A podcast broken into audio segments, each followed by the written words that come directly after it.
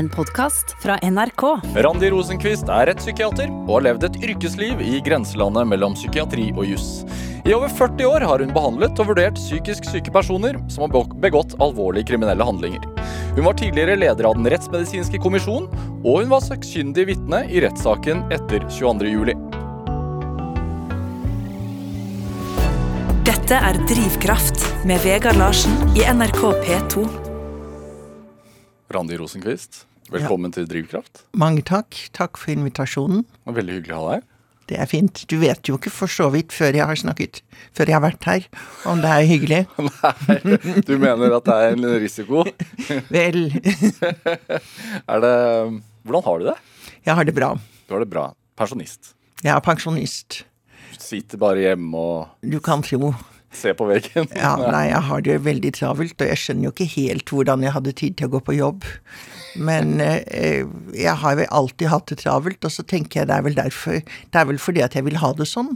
Ja. Hva, hva, begår, altså, hva handler det travle om om dagen?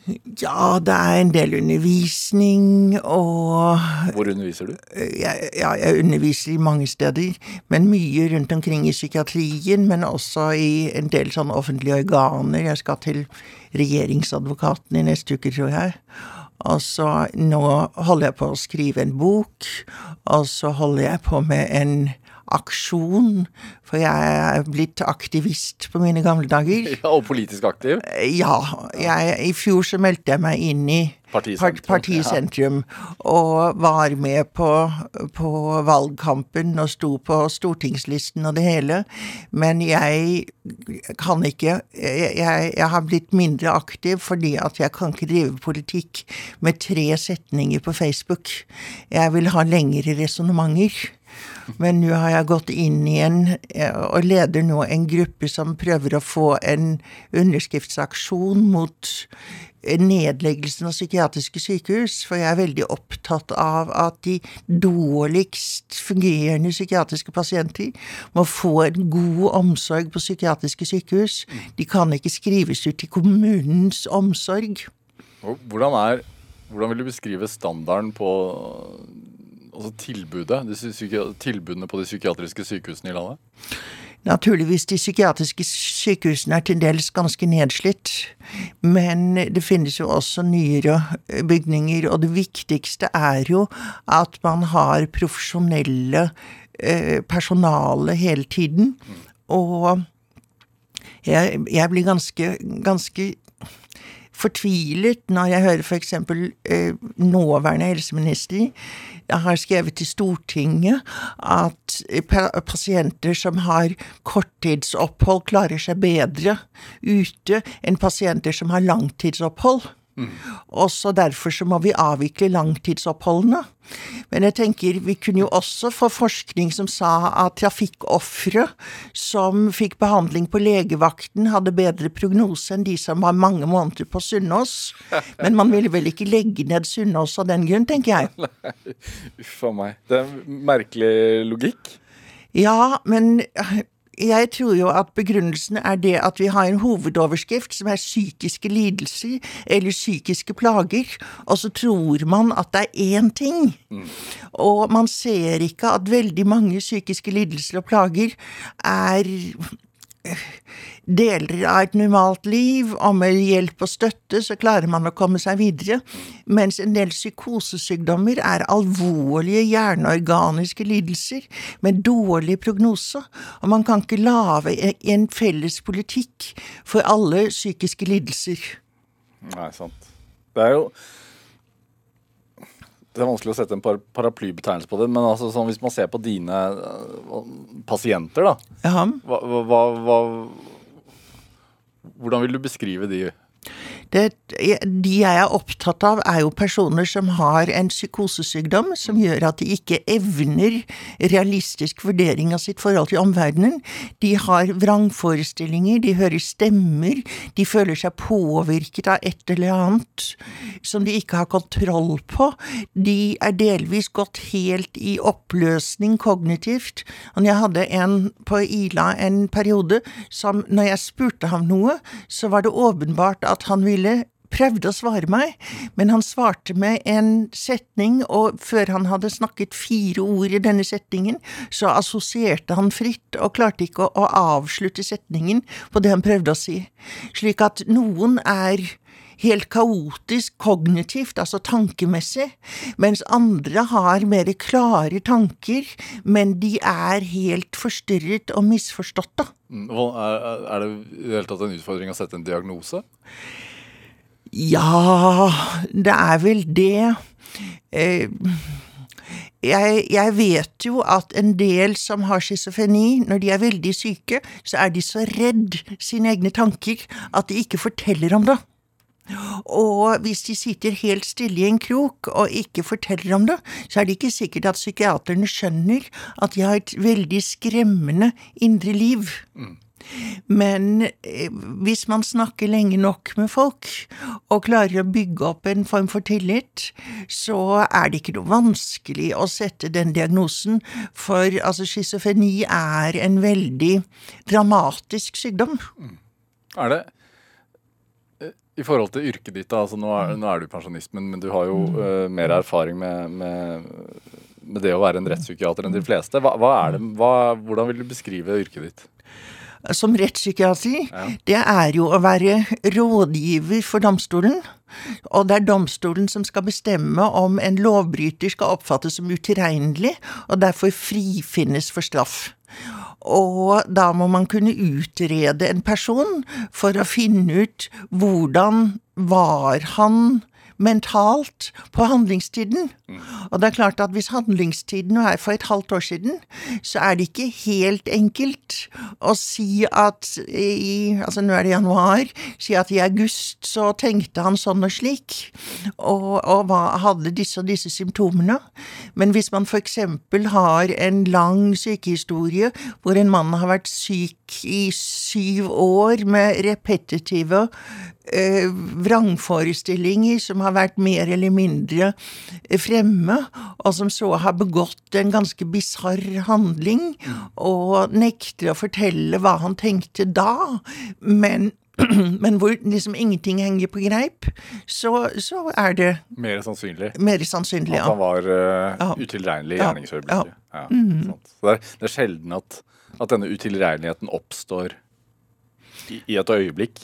Ja, altså For, for å bli, være strafferettslig utilregnelig, så må man ha vært alvorlig syk en god stund. Og en schizofrenidiagnose kan ikke stilles før en person har vært plaget og preget av sine symptomer i minimum en måned. Mm. Det vi ser, er at en del drap sånn på verdensbasis ble begått rett før en person fikk schizofrenidiagnosen. Men det vil ikke si at han var frisk i, i månedene eller årene før, men han bare ble ikke oppdaget som veldig syk. Eh, Så, ja. Rosenkvist, har du mikrofonen litt unna uh, sånn, ja. Sånn, ja. ja. Mm, uh, fanger opp lyden sterkt der. Men altså, uh, også, i tillegg til å vurdere mm. gjerningsmannen i, i øyeblikket, så, mm. så, har du også vært en jobbet på Ila fengsel, blant annet. Ja. Og hva, hva, hva, har du gjort der? kan si at Det er den andre delen av rettspsykiatrien nå. Mm. Det er å si noe om risiko for nye voldshandlinger. Og det er jo relevant i den opprinnelige straffsaken, for hvis man er utilregnelig, så skal man frifinnes. Men hvis det er en risiko for nye voldshandlinger, så kan man bli dømt til tvungen psykisk helsevern eller tvungen omsorg. Men tilregnelige personer, hvor domstolen finner at det er stor risiko for nye voldshandlinger, de kan få forvaringsstraff. Og de forvaringsdømte blir da stort Eller alle mennene, de blir plassert på Ila fengsel.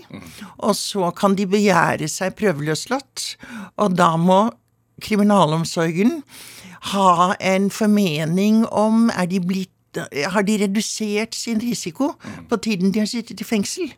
Og da er, har jeg vært ansatt som en sakkyndig for kriminalomsorgen og påtalemyndigheten for å følge en utvikling for de forvaringsdømte. Hva, hva vil det si, og hvordan går det frem da? det vi gjør, er at vi vurderer alle forvaringsdømte med en fersk forvaringsdom. Og da har jo domstolen sagt at her er det forhøyet risiko, og så kartlegger vi risikofaktorer, og så sier vi noe både til fengselet og til den dømte om hva som skal til for at denne risikoen blir redusert. Ja. Og så vurderer vi igjen på et senere tidspunkt og ser hvordan har han utviklet seg gjennom soningen. Så den dømte får egentlig fasit? Eh, fasit vil jeg ikke si, men får, eh, får gode råd ja. om hvordan han bør forholde seg gjennom soningen. Og det er jo ikke alle som følger de gode rådene de får, men det er jo, jo definitivt noen som jobber veldig systematisk med å redusere sin risiko. Er det Hvor lenge observerer du pasienten? Eller kaller du det fange eller pasient? Hva kaller ja, de er ikke pasient, for jeg jobber ikke da som helsepersonell. Jeg er da sakkyndig. Ja. Og vi snakker på, på, Ila så snakker vi om innsatte, men det er også innafor å si fanger. Men det virker litt, litt mer dannende, tror jeg, å si innsatte. ja, ok, da sier vi innsatte her. Ja, ja. Vi er tross alt P2. Ja, ja, men da er det bra å bruke ordet innsatte. Ja, Men hvordan går du frem? Også... Altså, Når vi skriver risikovurderinger, så samler vi informasjon. Altså Risikovurderingen med innkomst den består jo av samtaler med mannen, naturligvis, men også lese dommer og rettspsykiatriske vurderinger og andre dokumenter. Det er jo mange som har hatt mange dommer før de får forvaring. Og så snakker vi med personalet på, på fengselet, og snakker med kontaktbetjenter, avdelingsbetjenter og fritidsavdelingen og skoleavdelingen og helseavdelingen dersom den innsatte gir tillatelse til dette. Og så prøver vi å kartlegge totalsituasjonen.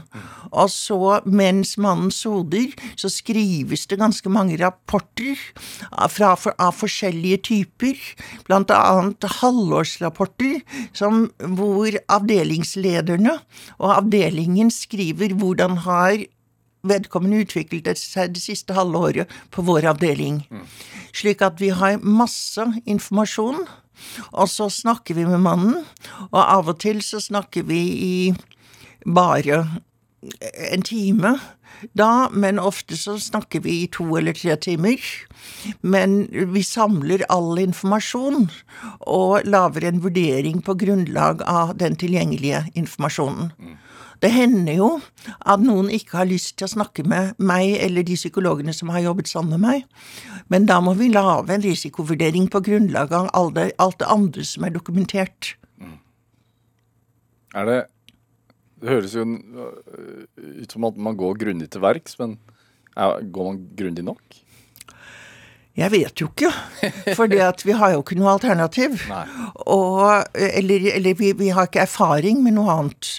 Og, og det som jeg syns er ganske ille, er at vi har en forvaringsordning i Norge fordi at vi tror at det er noen lovbrytere som er farligere enn andre, at vi må gjøre noe spesielt med dem. Men vi har ikke så veldig mye kunnskap om det, og jeg har i mange år ønsket meg en database over de forvaringsdømte, hvor det står hvor vi har informasjon om hvem kommer inn i forvaringsordningen, hvilken bagasje har de når de kommer inn, hva skjer under forvaringen, og hva skjer når de blir prøveløslatt eller løslatt ved rammens utløp. Men dette får vi ikke lov til å samle av personvernhensyn, slik at vi vet egentlig ikke om det vi gjør er riktig eller ikke. Og så er det dette med som på vitenskap heter falske negative og falske positive. For hvis noen blir løslatt, og det blir begått en voldshandling igjen, så er det krise og katastrofe, og, og nå har noen gjort feil. Men hvis noen blir, ikke blir løslatt, og de da heller ikke gjør noe gærent, så vet man ikke om det var riktig å holde dem, eller om de, eh, de ikke hadde gjort noe gærent selv om de ble løslatt. Mm. Hvordan er det for deg å ha den ha hva skal man si, det siste ordet i forhold til de skjebnene? Det er jo domstolen som har siste ordet. Det er viktig å understreke. Vi gir et råd til domstolen. Det veier tungt, da. Hva? Veier... Jeg veier tungt, ja, det vet jeg. Men altså, det jeg tenker, er at jeg gjør dette her bedre enn de aller fleste i Norge. Og øh, jeg, jeg kan ikke Jeg kan ikke gjøre det bedre enn jeg har gjort det. Men, men, jeg stiller et spørsmålstegn med hvordan forvaringsordningen egentlig praktiseres. Og jeg har jo vært med på å, å konstruere forvaringsstraffen også, da jeg var med i en lovkommisjon for 30 år siden. Mm. Og det, vi hadde nok ikke tenkt den gangen, eller vi hadde definitivt ikke tenkt, at forvaringsordningen skulle være landets strengeste straff. Men vi hadde tenkt at forvaringsordningen skulle være for de som hadde 15 dommer bak seg og stadig gjorde nye gale ting, og hvor normalstraffen ville være to år. Og vi visste jo at to år ikke ville ha mulighet til å endre noe som helst. Og da tenkte vi at kanskje man da fikk syv år istedenfor to år. Så fikk man et sammenhengende fengselsopphold for å jobbe med noe. Men da Baneheia-saken kom, rett etter at forvaringsordningen ble innført, så ble jo forvaringsstraffen lansert som landets strengeste straff. Og, men jeg tenker at det er egentlig på domstidspunktet umulig å skille farlighet av en som fortjener 21 års fengsel for det han har gjort, og en som fortjener, eller, eller som må ha 21 års forvaring. For ingen får 21 års fengsel hvis det ikke er noe ganske dramatisk i kriminaliteten. Mens det går an å skille bedre på de som har ja, ellers ville få kortere straffer. Det blir brukt, misbrukt, rett og slett? Misbrukt er ikke et ord jeg ville ha brukt, men det var ikke dette som var intensjonen.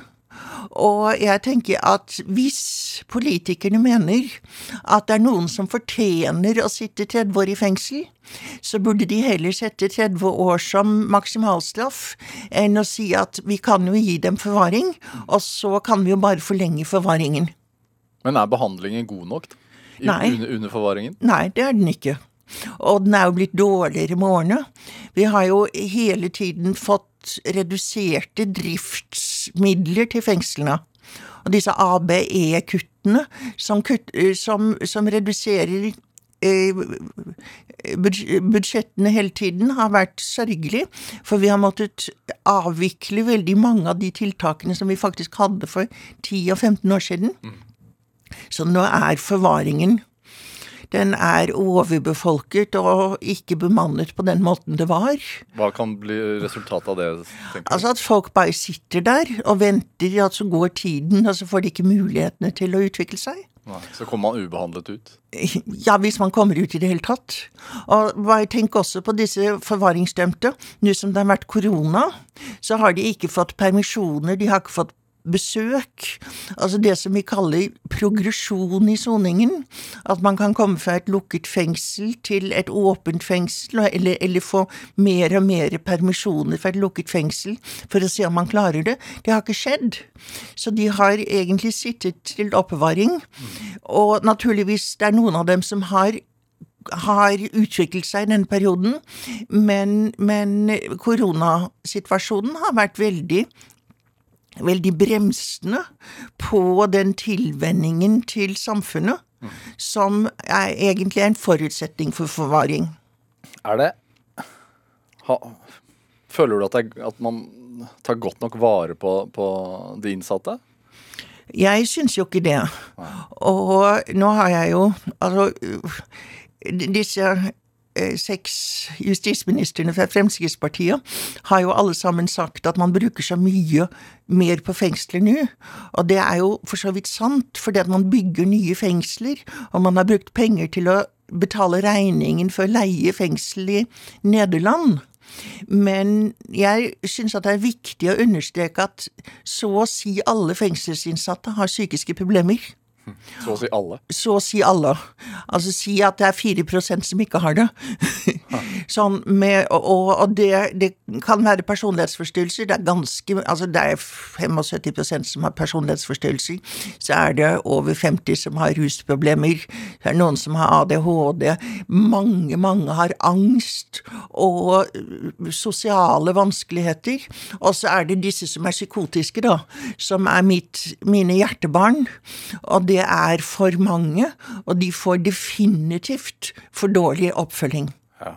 Hvordan fungerer isolat på de som er psykotiske, f.eks.? Nei, de blir jo dårligere av det. Og for et par år siden så var det et uh, representantforslag i Stortinget om at det skulle være ulovlig å isolere fengsels, syke fengselsinnsatte. Eh, Fordi at de blir dårligere av det. Så det skal bli ulovlig å isolere 95 da? Eh, Nei, eh, men, men iallfall de psykotiske. Men eh, jeg kunne ikke støtte det med mindre det var en tilsvarende plikt for psykiatrien å ta dem imot. For problemet er jo det at eh, det er folk som er psykotiske, som er urolige, som, som kan virke truende, som det er vanskelig å kommunisere med, og, og som da skal bo på en avdeling med kanskje 10-11 andre innsatte som alle har psykiske problemer, og er ett eller to personaler til stede. Det går ikke. Og så må man plassere dem i enerom i fengsel. Og der blir de dårligere, og så søker man dem til psykiatrien. Og vi har jo hatt folk som vi har prøvd å søke, få inn i psykiatrien i fem og syv år. jeg, jeg har sett forvaringsdømte som er kommet inn med en fersk forvaringsdom. Første gangen jeg så dem, så tenkte jeg han der er veldig syk. Og så tar det et år før han får plass i psykiatrien. Han, han ble beholdt de heldigvis i psykiatrien, men vi har andre som jeg også har sett har vært veldig syke, som da kommer inn i psykiatrien, og så er de der et par uker, og så skrives de ut igjen. Og, og det Jeg blir så ulykkelig og opphisset og forbannet og aggressiv av å, å se denne manglende forståelse for meget alvorlig sykdom. På på pasientens vegne, eller den innsattes vegne, eller på samfunnets vegne? Ja, begge deler. Altså, men naturligvis er det, er det pasienten, den innsatte, som jeg er ulykkelig for når, når man ikke får behandling. Og vi, vi har jo prøvd alle klageinstanser for å få folk til behandling, og, og, og det er ikke veldig lett å få det til. Det, det er jo eh, ganske dette snakkes jo om eh, i, i media og samfunnet generelt når, det kommer, skjer episoder eh, sånn som på Kongsberg, eller sånn som er på Bislett i Oslo. Ja. Eh, og sånn som i ettertid av Kongsberg-hendelsen, så, så uttalte de jo at eh, at enkelte pasientgrupper rett og slett ikke får den behandlingen de trenger, og at det er et resultat av det. Ja, og altså jeg sa litt tidligere at det var for så vidt relativt greit å diagnostisere schizofreni når pasienten fortalte hvordan de hadde det. Men det jeg jo ser, er at veldig mange pasienter blir innlagt i psykiatrien kanskje i tre dager, og så får de diagnosen rusutløst psykose. Og de er jo ruset, og så roer de seg ned i løpet av et par dager hvis de får sove og sånt noe. Og så de kommer inn på fredag, og så mandag så blir de skrevet ut. Men man må jo bli kjent med en pasient lenge nok i edru tilstand. Hva er lenge nok? Altså for å, å bli avruset, det kommer jo litt an på hva man har brukt av rusmidler, men det må jo være eh, gjerne en, en måneds tid for å se om, om dette virkelig var en rusutløst psykose, eller om det var en schizofreni. Og det er dessverre slik at schizofrene pasienter bruker rusmidler i stor grad. Sånn var det jo ikke da jeg var ung. Da, da var schizofrene schizofrene, og rusmisbrukere var rusmisbrukere. Men nå er det sammenfallende kategorier, og da, da må man jo observere og bli kjent med en person lenge nok i edru tilstand for å finne ut hva som er riktig diagnose. Og det gjør, vi jo i fengsler. Jeg tok opp for mange år siden, på 2008, tenker jeg, at rettspsykiaterne diagnostiserte schizofreni på pasienter som da hadde sittet i fengsel i tre, fire, fem måneder, mens de tidligere bare hadde vært inn og ut av psykiatrien. Og, og, i forvaringen Jeg ser jo at vi har fått flere schizofrene pasienter som er blitt oppfattet som tilregnelige, og som er dømt til forvaring. Og det er ikke i overensstemmelse med norsk lov, men det er også veldig uhensiktsmessig. Hvordan burde systemet vært da, tenker du? Ja, nå er jeg litt opptatt av, ikke, av å ikke bli en gammel dame som sier at eh, nå er alt så mye verre. Men, men jeg jeg syns jo at psykiatere, og altså rettspsykiatere, er blitt kvalitativt dårligere. Og jeg tror at grunnen til det er at det psykiatriske behandlingskjeden, det er for øvrig et begrep jeg ikke liker, at den er organisert slik at de enkelte fagpersonene får bare relativt kort kontakt med hver enkelt pasient. Hvis man jobber på en akuttavdeling, så ser man den akutte uro, og ikke langtidsvirkningene. Hvis man jobber på en, en DPS, en distriktspsykiatrisk poliklinikk, så ser man folk som er såpass stabile at de kan komme til timer, men man ser kanskje ikke de akutte eh, sidene ved saken. Slik at jeg, jeg, er, jeg er bekymret for at psykiatrien ikke blir kjent nok med sine pasienter. Og det vil da også si at rettspsykiatrisk sakkyndig ikke har den erfaring som de fleste rettspsykiatrisk sakkyndige hadde for, for 20 år siden. Du har også sagt at at myndighetene i landet vårt ikke skjønner hvor syk det faktisk går an å bli. Nettopp. Altså, nå er jo antall senger i Norge redusert fra 1990 til nå. Ja. Så er det en tredjedel av de psykiatriske sengene som vi hadde i 1990. Og så sier myndighetene at folk har jo best av å bli behandlet hjemme de i kommunen. Og det er klart at hvis du har angst for sosiale situasjoner, så kan det være veldig smart å være hjemme og tvinges til å gå ut og også møte opp på DPS og, og, og eksponeres for sosiale situasjoner. Men de aller dårligste, altså de som vil ha kommet på Sunnaas hvis de hadde vært somatisk syke, de er det for Altså, åtte dagers innleggelse er totalt inadekvat. Og det som jo også er bekymringsfullt, er at kommunene står jo ofte hjelpeløse når det gjelder å gi denne pasientgruppen god omsorg. Er det? Og god omsorg kan i, tilf i noen tilfeller være å jeg vet at du ikke liker å si det, men å stenge noen inne. Ja, og jeg tenker at øh, at omsorg kan, må også av og til skje på tvers av pasientens ønsker.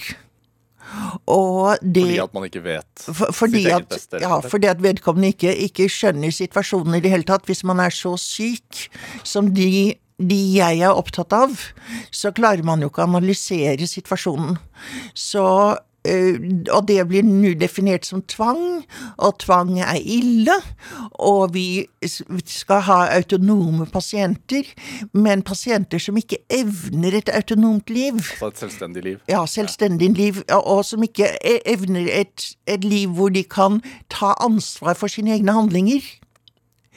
Eh, det tenker jeg ligger i det å ha et autonomt liv, at man, man, man skjønner sine egne handlinger. Mm de skal jo ikke gå til grunne. Men det er det jo noen som gjør. Men hva er det man er redd for, da? At, eh, at den makten misbrukes, eller at man fratar noen autonomitet, eller hva?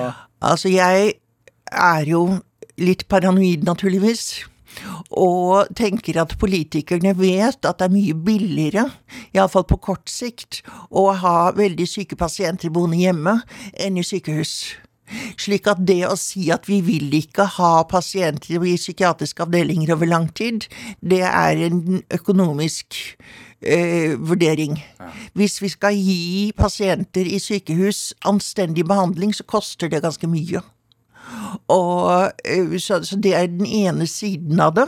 Og så er det jo ganske mange som er opptatt av at tvang vis-à-vis -vis psykiatriske pasienter er et onde.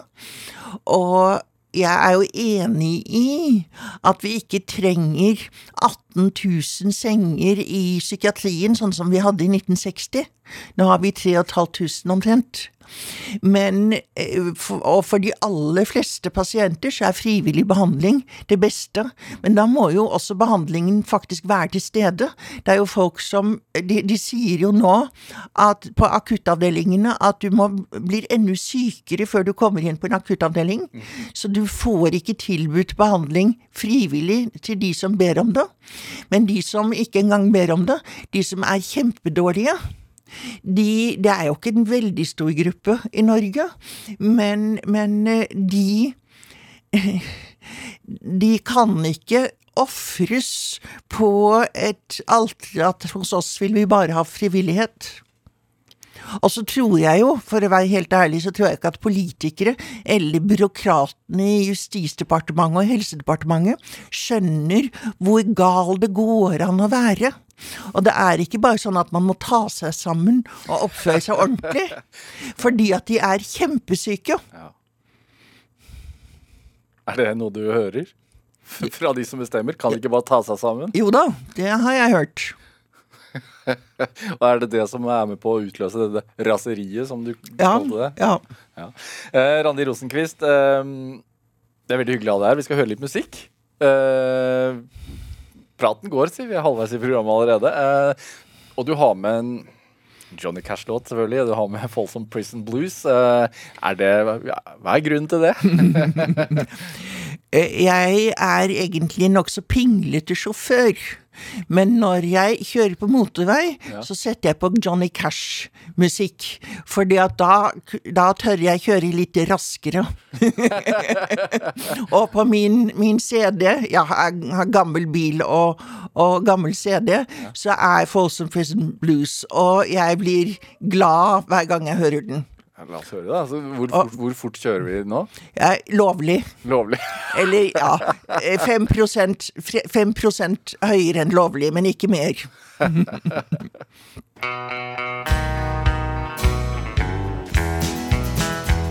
I hear the train coming, it's rolling around the bend, and I ain't seen the sunshine since I don't know when. I'm stuck in Folsom Prison and time keeps dragging on. But that train keeps rolling on down to San Antone. When I was just a baby, my mama told me, son, always be a good boy, don't ever play with guns. But I shot a man in Reno just to watch him When I hear that whistle blowing,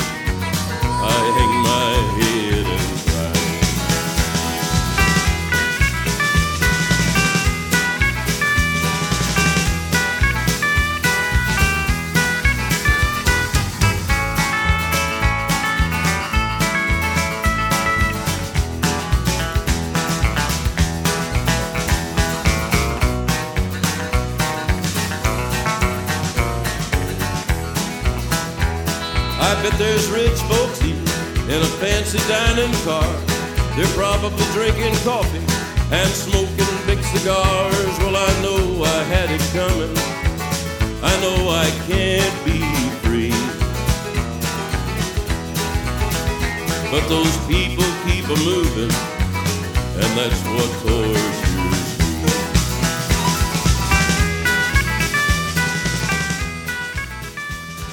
Ja, Du fikk en uh, smakebit av Johnny Cash sin Folsom Prison Blues her i Drivkraft på NRK P2, valgt av dagens gjest her i Drivkraft, nemlig rettspsykiater Randi Rosenquist. Hva er ditt forhold til autoriteter? Altså, jeg er jo en en samvittighetsfull dame.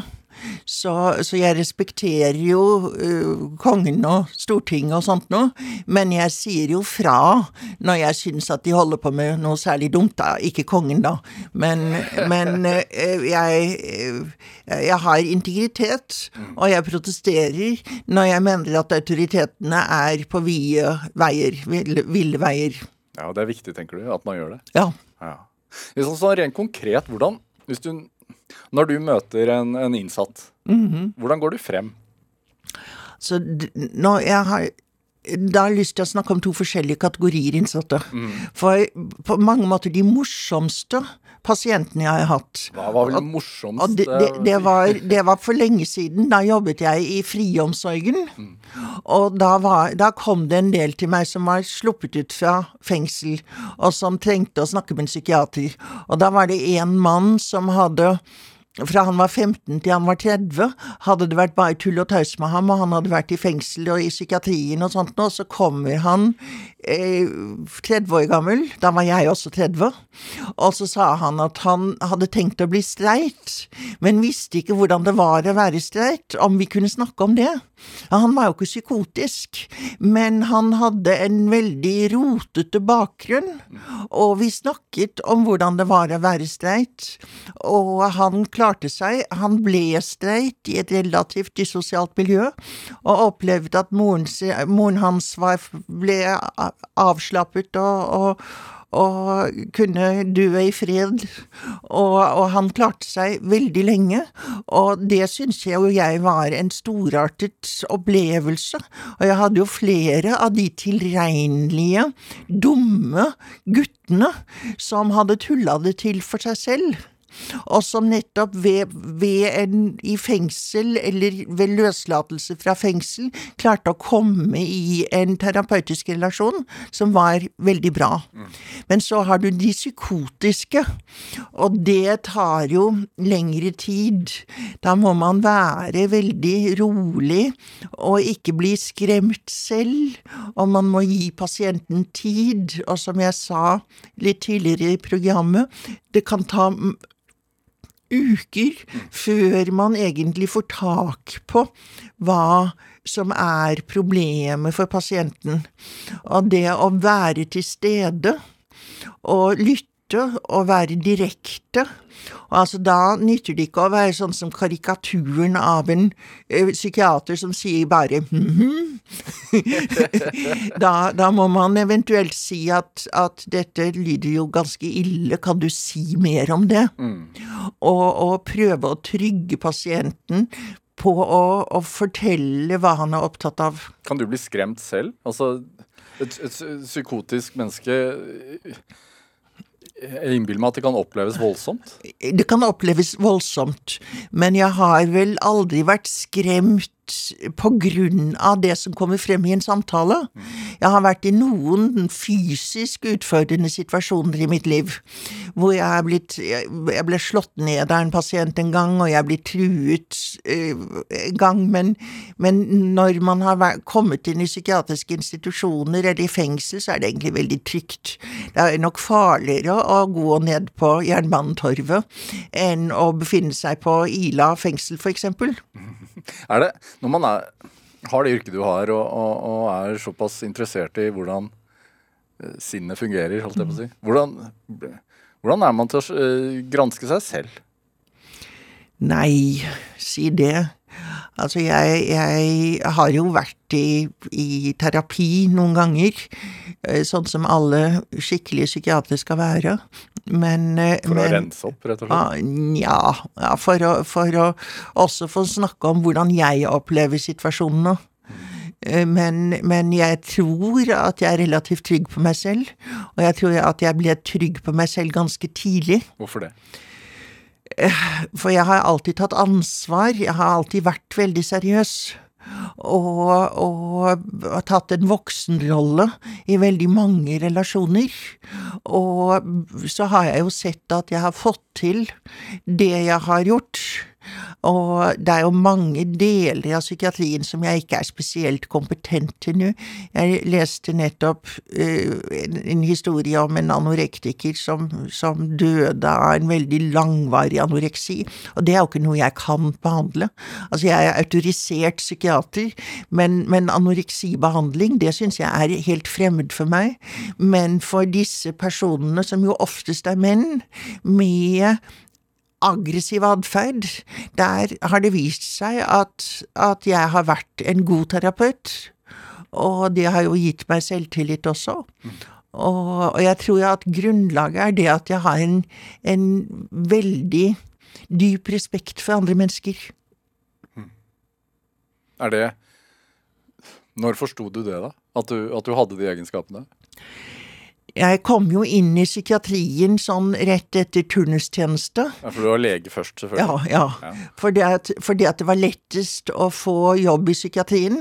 Og jeg ville bosette meg i Oslo, og da måtte jeg nesten jobbe i psykiatrien for, for å få øh, jeg, jeg trengte lån i kommunal pensjonskasse for å skaffe meg bolig, og sånt noe, så det var helt pragmatiske ting som gjorde at jeg begynte i psykiatrien. Men det tok ikke veldig lang tid før jeg skjønte at dette var et fagområde jeg ville være med på. Hva, hvorfor var det mer givende enn, enn å være allmennlege, f.eks.? Jeg, jeg vet ikke, men jeg ble fanget opp av pasientene mine. Og jeg sier av og til litt flåsete at jeg ble bitt av schizokokkene. Men jeg ble så, jeg ble så opptatt av de schizofrene pasientene, hvordan de strevde, og hvordan de prøvde, og hvordan man kunne hjelpe. Og så tenkte jeg, og det har jeg sagt mange ganger når jeg holder forelesninger og sånn, at hvis man kan være tilfreds med å gjøre situasjonen litt mindre jævlig for pasientene, så kan man fortsette i det gamet som jeg har gjort. Hvis man skal ha vellykkede, harmoniske, takknemlige pasienter, så vil jeg foreslå at man jobber på føden. Men, men det å hjelpe til at ting blir litt mindre jævlig, det har jeg syntes har vært meningsfullt. Altså, I tillegg til det så kom jeg ved en tilfeldighet, kanskje, inn i Helsedirektoratet da det var stor skandale om Reitgjerde sykehus, som jo var et sykehus for de særlig farlige og vanskelige aggressive menn. Og da da ble jeg veldig kjent med hele denne gruppen, og jeg ble også kjent med jussen i psykiatrien.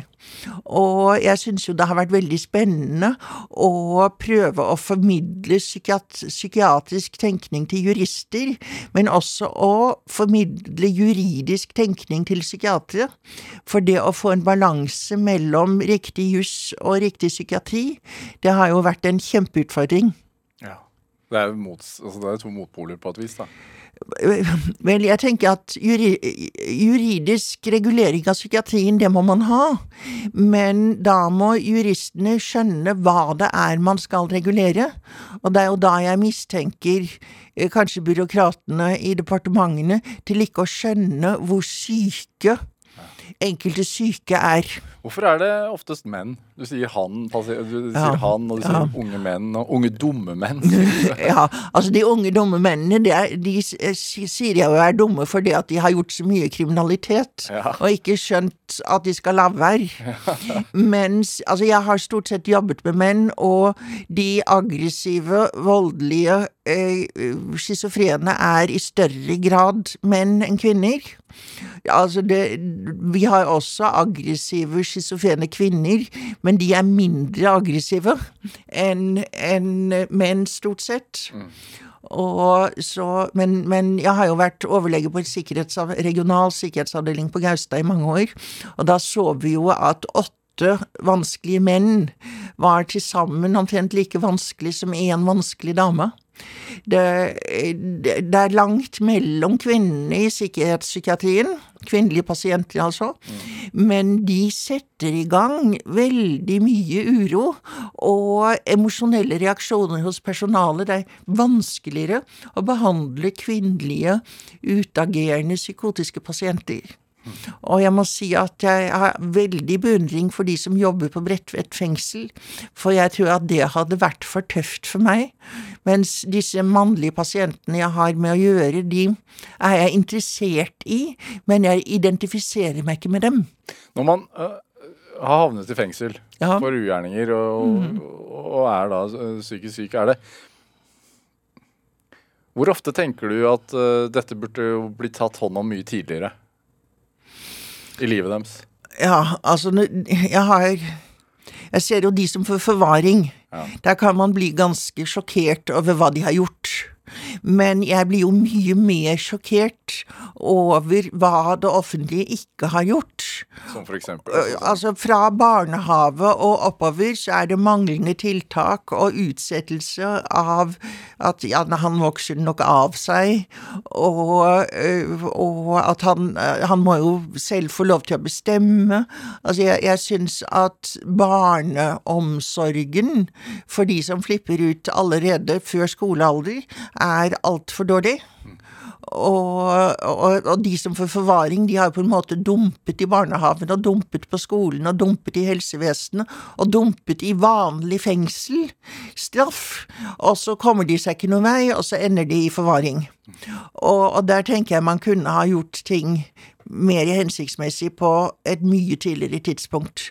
Så jeg blir opptatt av barnevern og kvaliteten på, på barnets eh, barneomsorg i landet. Hvordan var du som barn? da? Jeg var veldig snill. Ja. Og, og pliktoppfyllende. Ja. Ja.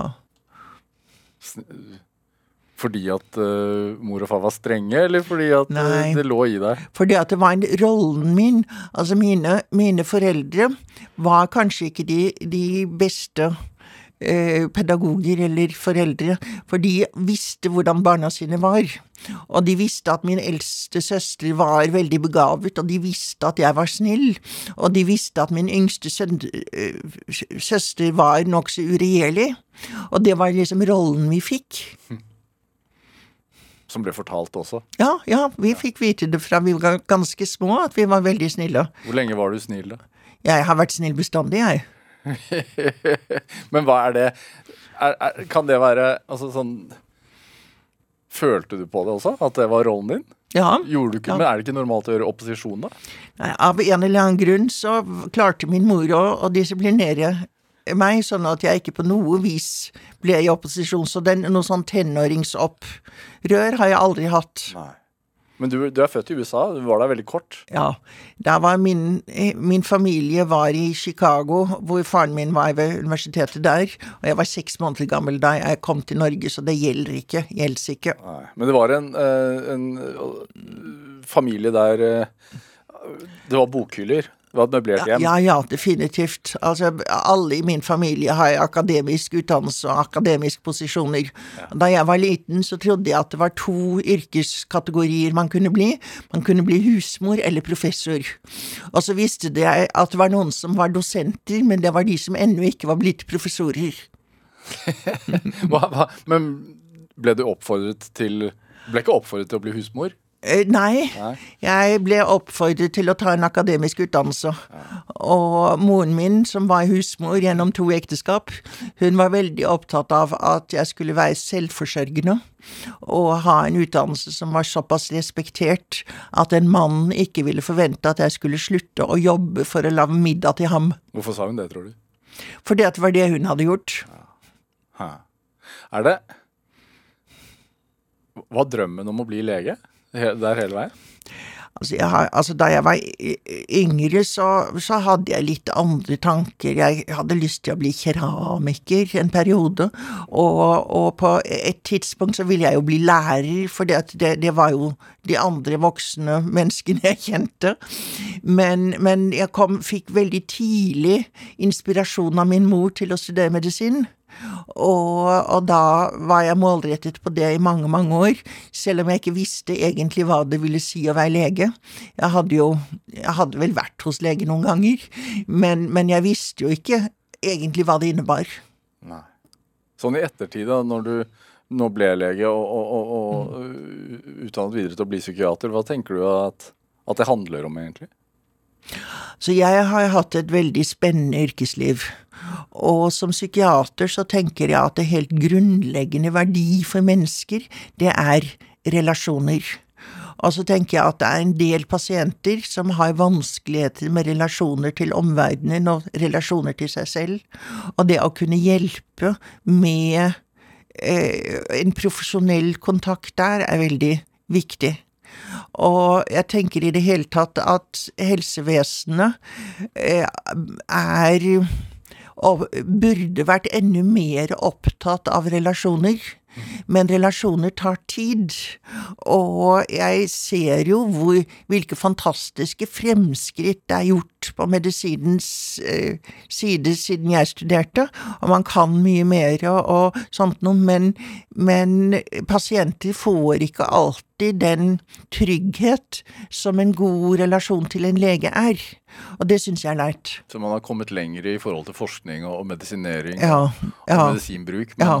Men det menneskelige har blitt borte? Ja, og det er derfor jeg også misliker uttrykket den psykiatriske behandlingskjeden. Ja. Fordi at jeg vil at Hva er det? Altså, du nevnte det tidligere. Ja, ja, nei, at du skal, du skal begynne med du skal, Først skal du være hos fastlegen, og så skal du sendes til eh, psykiatrisk akuttavdeling, og så skal du sendes videre til DPS, og så skal du tilbake til fastlegen, eh, og, og gjerne litt frem og tilbake, kanskje. eh, Sånn at svingdørspasienter tror jeg er veldig sørgelig, og hvis du har eh, svingdørsinnleggelse og kommer til nye terapeuter hver gang, så, så er ikke det bra. Så, så jeg ville ha, ha mer konsis, eh, konsistens i relasjonen. Jeg har også vært veldig opptatt av at sikkerhetspsykiatrien, at de burde også følge opp sine pasienter når de blir skrevet ut. For å ikke sende dem videre til, til et DPS som ikke har kompetanse med sikkerhetspsykiatriske pasienter. Så, og, men hvis man har hatt en pasient innlagt i tre-fire år, så blir man ganske godt kjent med vedkommende og vedkommendes reaksjoner, og da er sikkerhetsavdelingen den beste kompetansen til å følge opp over tid. Men sånn, sånn er det ikke. Er det ikke noe eh, rom til. Og, og han som jeg fortalte om, som ville eh, bli streit, han fulgte jo meg opp, vil jeg jo si, i 30 år. Jeg hadde kontakt med ham, naturligvis ikke samtale en gang i uken, men jeg hadde kontakt med ham her i 30 år, og da døde han. Og, og, og det at han hadde en psykiater som han kunne kontakte når han trengte å snakke om noe en trekvarters tre kvarters tid. Og han, selv om jeg hadde jobber forskjellige steder, så, så klarte han å finne ut hvor jeg var. Ja, jeg fortalte det til ham. Og han kontaktet meg slik at jeg kunne følge ham opp. Følte du litt at det var din plikt å ta den telefonen?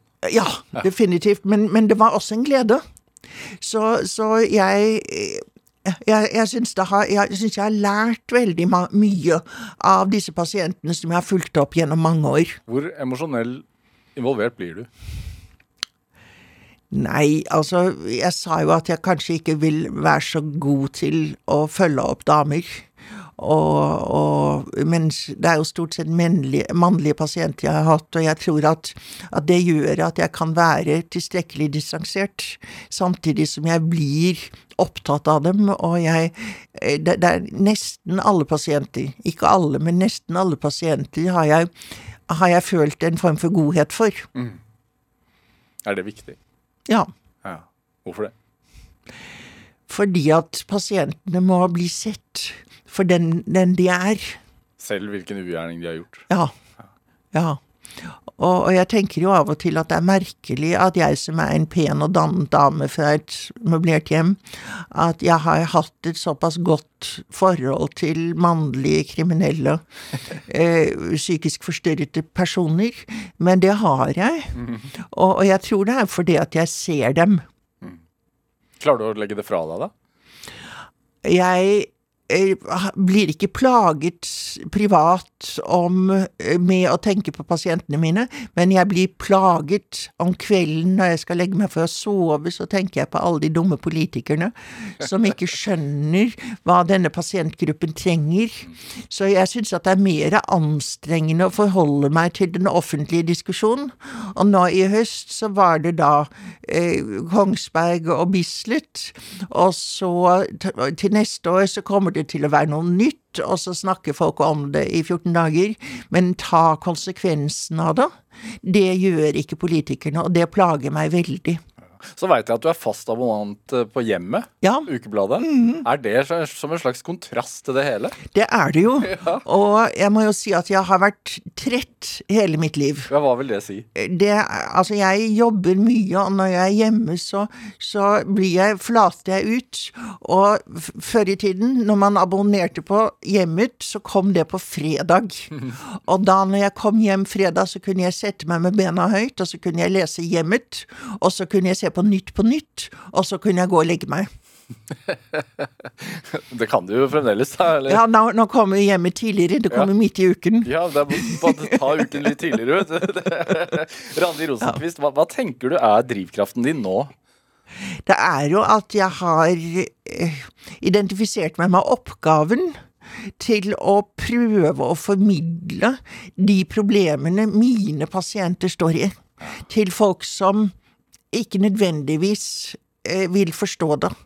Og så tenker jeg at jeg har også en ganske god oppgave i å støtte de psykiatere og psykologer og sykepleiere som jobber med disse pasientene, og som har det til dels ganske vanskelig. Tror du på en endring, da?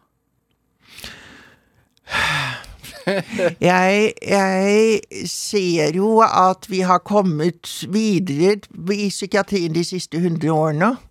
Så jeg, jeg håper jo at man, man også kan se en endring, men jeg er jo stygt redd for at disse pasientene er såpass dyre at når oljepengene tar slutt, så spørs det om, om eh, samfunnet er villig til å betale for en anstendig omsorg, samtidig som eh, samfunnet nå er veldig opptatt av at vi må vi må skjerme folk. Vi må passe på at ikke de farlige psykiatriske pasientene går ut. Så vi har egentlig ikke råd til å la være. Og, og, de, og, og da er jeg redd for at man lager psykiatrisk slum. Det får bli siste ord her i dagens Drivkraft. Randi Rosenquist, tusen takk for at du kom hit. Takk for at jeg ble invitert. Hør flere samtaler i Drivkraft på nrk.no eller i appen NRK Radio. Send oss gjerne ris og ros og tips til mennesker som du mener har drivkraft. Send den e-posten til drivkraft.krøllalfa.nrk.no. Vi hører gjerne fra deg. Du har hørt en podkast fra NRK. Hør flere podkaster og din NRK-kanal i appen NRK Radio.